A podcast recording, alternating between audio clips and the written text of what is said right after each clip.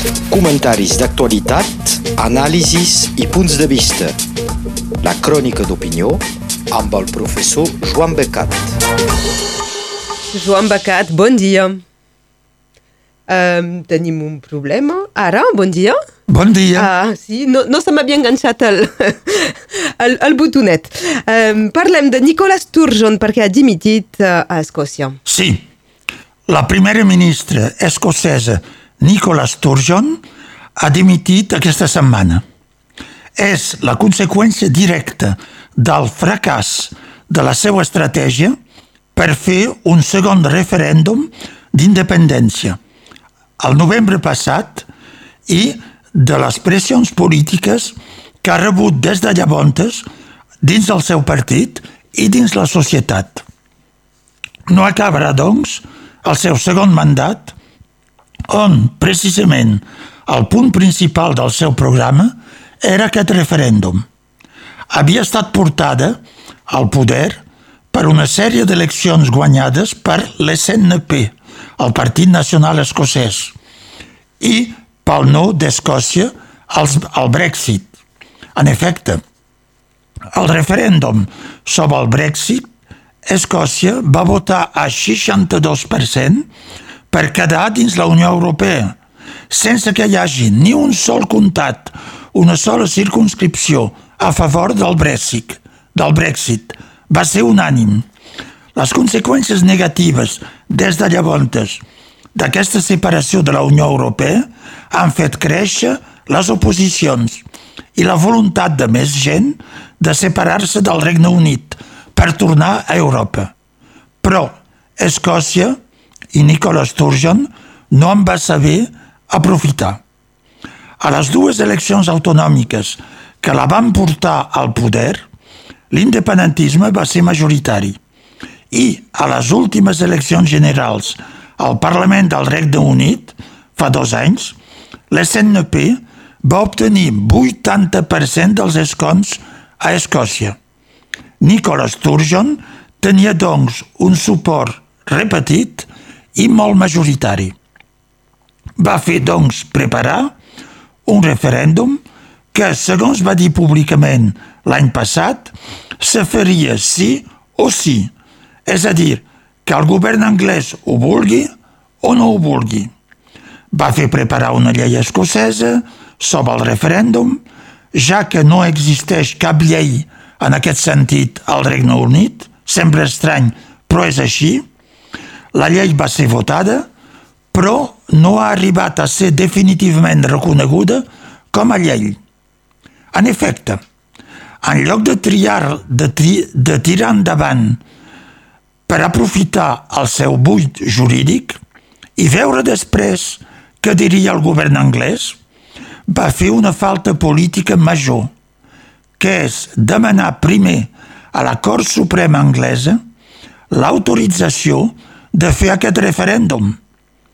No era un referèndum vinculant, a més, és a dir, d'obligada aplicació, sinó un referèndum indicatiu per tenir un element de negociació.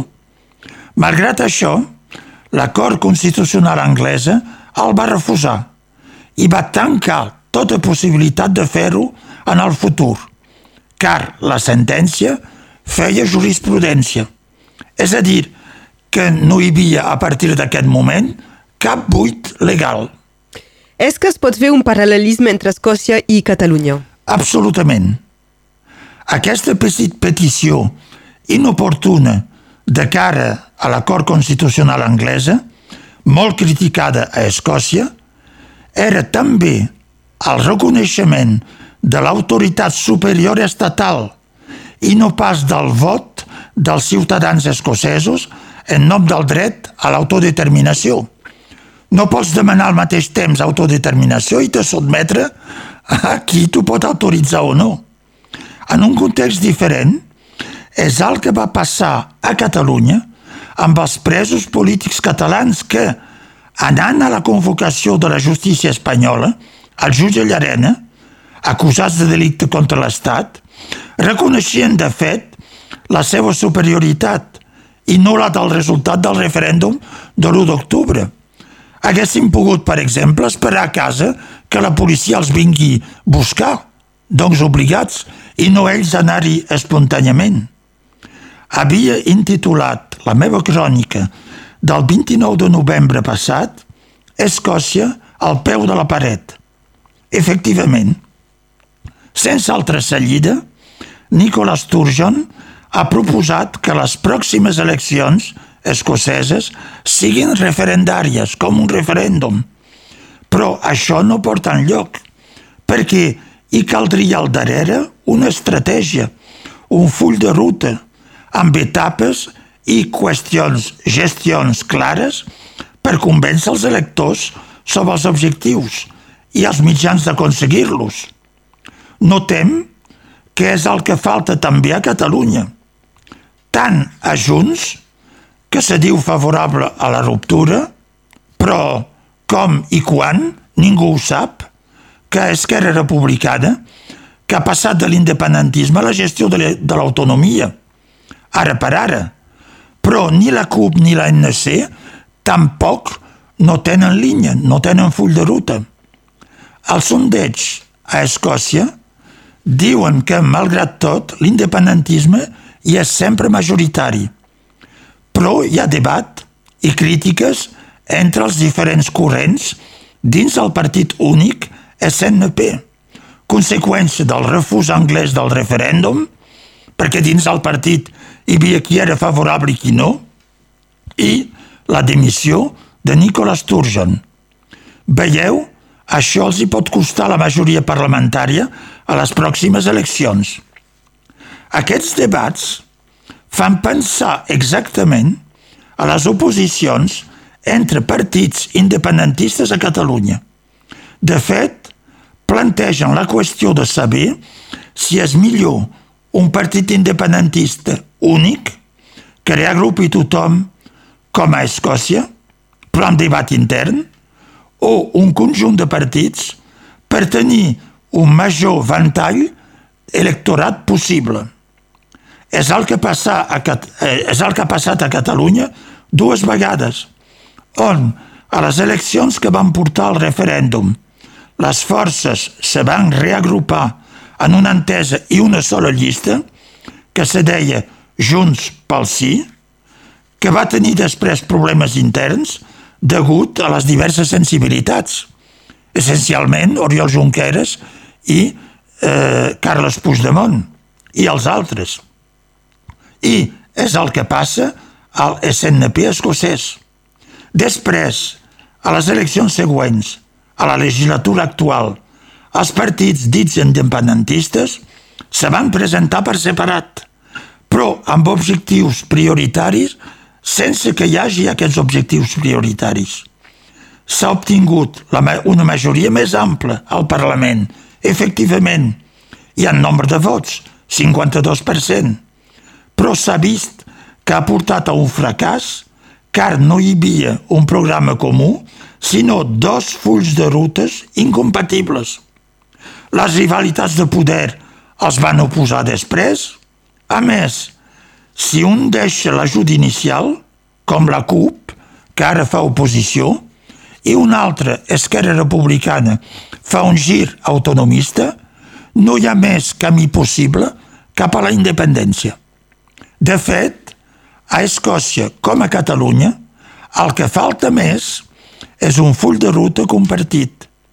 Però ni a Escòcia ni a Catalunya els partits no saben on van ni com aconseguir l'objectiu d'independència que comparteix la majoria de la població. Amb l'afegit que a Catalunya hi ha la por, o almenys l'aprehensió, dels responsables polítics i dels alts funcionaris de la repressió de l'Estat. Precisament hem de parlar ara del Codi Penal espanyol i del dilema d'Esquerra Republicana de Catalunya. Sí, tot això ha passat eh, la setmana passada.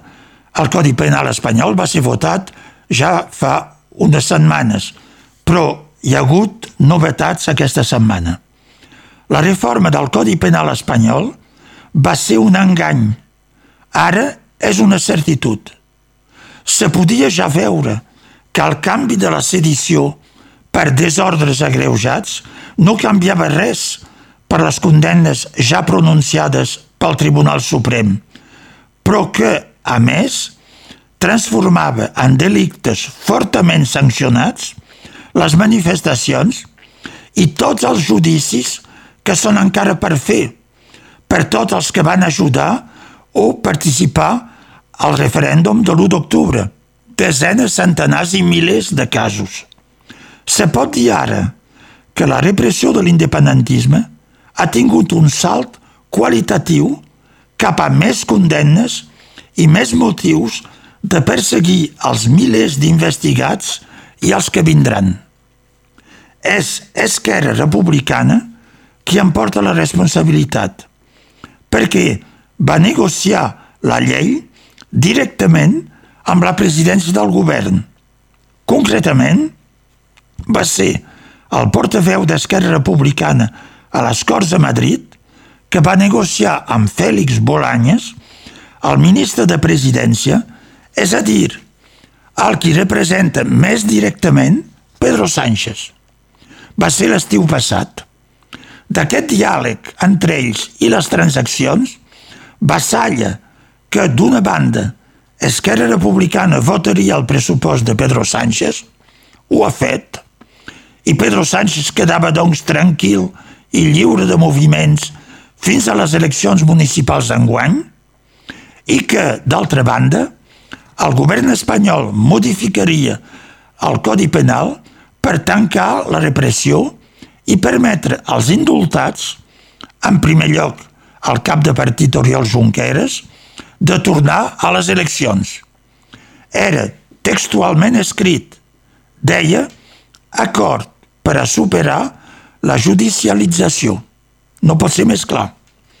Efectivament, la reforma se va fer, n'hem parlat, però la interpretació feta pel Tribunal Suprem, els jutges Llarena i Marxena, va retenir les penes màximes per la malversació i els condemnats, o sigui, eh, més que els que se'ls hi havia clavat. Per tant, com que no es pot posar més que la condemna, les inhabilitacions que, li, que els hi van posar van quedar intactes. I per Oriol Junqueras, per exemple, fins al 2031. Uh, afirmeu, doncs, que aquesta reforma és un engany. Major. És, doncs, un engany monumental que, a més, el portaveu de Pedro Sánchez, el mateix ministre Félix Bolaños que ho va negociar, ha ratificat aquesta línia fa quatre dies. Va dir, traducció, els fets que van ocórrer el 2017 a Catalunya eren delicte el 2017 i continuen essent delicte el 2023. És a dir, persisteix i firma. És a dir, que la reforma del Codi Penal no canvia res i que ell i Pedro Sánchez aproven que continuï la repressió. Ha afegit, amb un gran cinisme, citació, Potser la pregunta avui seria per aquells que van dir que la reforma del Codi Penal es despenalitzarien aquests fets, i no és el cas. És a dir, Esquerra Republicana, que s'ha cregut que això passaria i que ella no ha entès que era un engany. Ha estat enganyada, o més ben dit, Esquerra Republicana s'ha autoenganyat. Perquè a Catalunya, per exemple, l'ANC i Òmnium Cultural van manifestar contra la reforma, que veien perillosa. I ho comprovem ara que ho era perillosa. L'eixamplament de la repressió ha començat immediatament. En el judici que se farà ara contra els alts càrrecs de la Generalitat, les requisicions contra els dos principals acusats s'han conegut aquesta setmana. La Fiscalia, és a dir, le procureur del Tribunal Superior de Catalunya, seguint la norma fixada pel jutge Marchena, demana, aguanteu-vos, 7 anys de presó i 32 anys d'inhabilitació, més que pels ministres de la Generalitat, per càrrecs públics d'inhabilitació, contra Josep Maria Jové, i 6 anys de presó i 27 anys contra Lluís Salvador, tots dos membres d'Esquerra Republicana. I per tant Esquerra ho ha pactat i els seus membres seran condemnats a coses enormes. Si el tribunal ho segueix, aquests dos serien inhabilitats fins als seus 74 anys i 80 anys. Vol dir que se'ls treu. Més la presó que els hi caurà. Josep Maria Jové era secretari general del vicepresident Oriol Junqueras, del govern Puigdemont. Se li retreu la publicitat relativa al referèndum. Per això, set anys de presó i 32 d'inhabilitació. És desproporcional encara més que pels presos. Actualment és diputat per Esquerra Republicana. Luis Salvador era secretari d'Hisenda, als impostos, al Departament de Finances. Se li retreu d'haver preparat una agència tributària catalana. Avui és president del Port de Barcelona. Per tant, en conclusió, Esquerra Republicana se troba davant d'un dilema. L'han estafada, l'han enganyada i el diàleg que volia no ha donat els resultats que esperava. I per tant, què fa? Ha ajudat el govern de Pedro Sánchez que l'ha torrejat. Què fa? És més, amb l'ajuda dels socialistes perquè el Parlament de Catalunya voti el, el pressupost de la Generalitat, ara és Pere Aragonès i Esquerra Republicana que són presoners dels socialistes, del PSOE, que a més se burlen d'ells. Què farà Esquerra Republicana? Per ara res. Sembla que accepti la situació, car el seu portaveu a Madrid aplaudeix que s'hagin aconseguit els indults dels presos polítics. Però i la reforma? I els que condemnaran? La repressió actual no compta? Moltes gràcies, Joan Becat. Bon dia a totes i a tots, malgrat tot. Comentaris d'actualitat, anàlisis i punts de vista. La crònica d'opinió amb el professor Joan Becat.